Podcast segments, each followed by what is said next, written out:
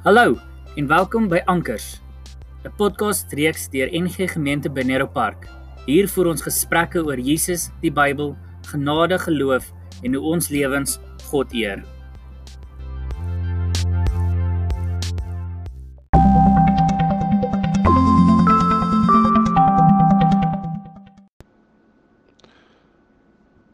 Goeiemôre.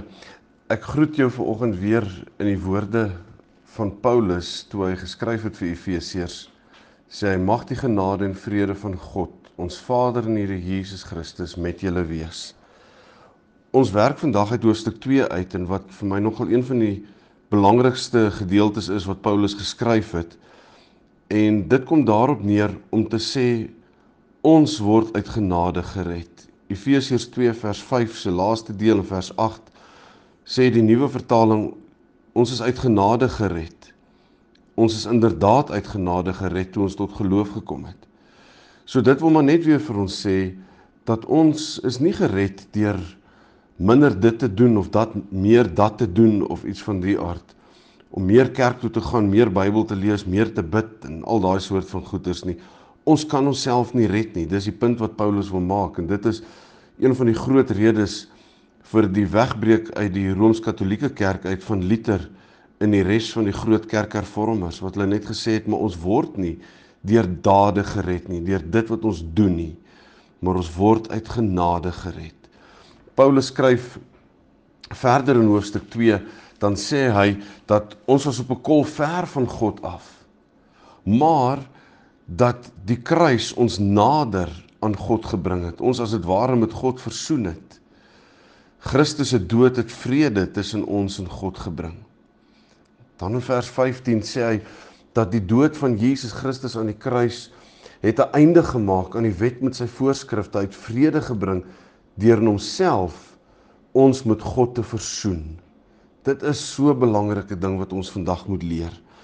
Dat ons word nie gered omdat ons superpligsgetrou is en elke Sondag 'n erediens bywoon en toe die bidure nog Woensdae daar was en bidure bygewoon het en twee keer op 'n dag bid um en Bybelstudie doen en selfs vas so nou en dan. Daai goed beteken eintlik niks in terme van ons redding nie. Paulus stel dit so duidelik vir die gemeente in Efese om te sê maar julle word uit genade gered. Ons almal is uit genade gered. Dat ons is deur Christus is ons met God versoen. Dis so 'n belangrike ding dat ons dit onthou. En dan sluit hy hoofstuk 2 af deur te sê maar ons moet almal onthou dat ons 'n tempel van God is. 'n Tempel is gesien as daar waar die teenwoordigheid van God is.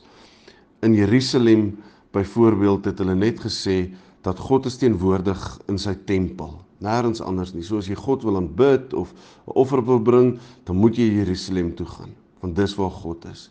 En nou gaan Paulus so bietjie aan en sê, maar julle is God se tempel. God woon in ons.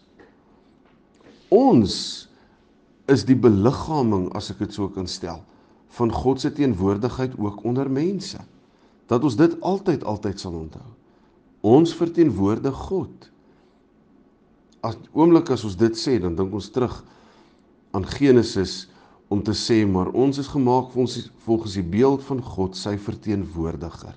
Dis wie ons is. Dis wat ons moet ontdoen. On, on, dit wat ons moet doen. Kom ons onthou dit. So vandag, ons is uit genade gered. Ons is met God versoen en ons liggaam, tempel van God, daar waar hy bly. Ons is sy verteenwoordigers. Kom ons bid saam. Hemelse Vader, dankie dat U vir ons gered het uit genade deur die dood van Jesus Christus aan die kruis. Daarvoor kan ons nie genoeg dankie sê nie. Heilige Gees herinner ons elke dag daaraan dat ons God se tempels is wat hom verteenwoordig waar ons ook al kom. Dankie Here.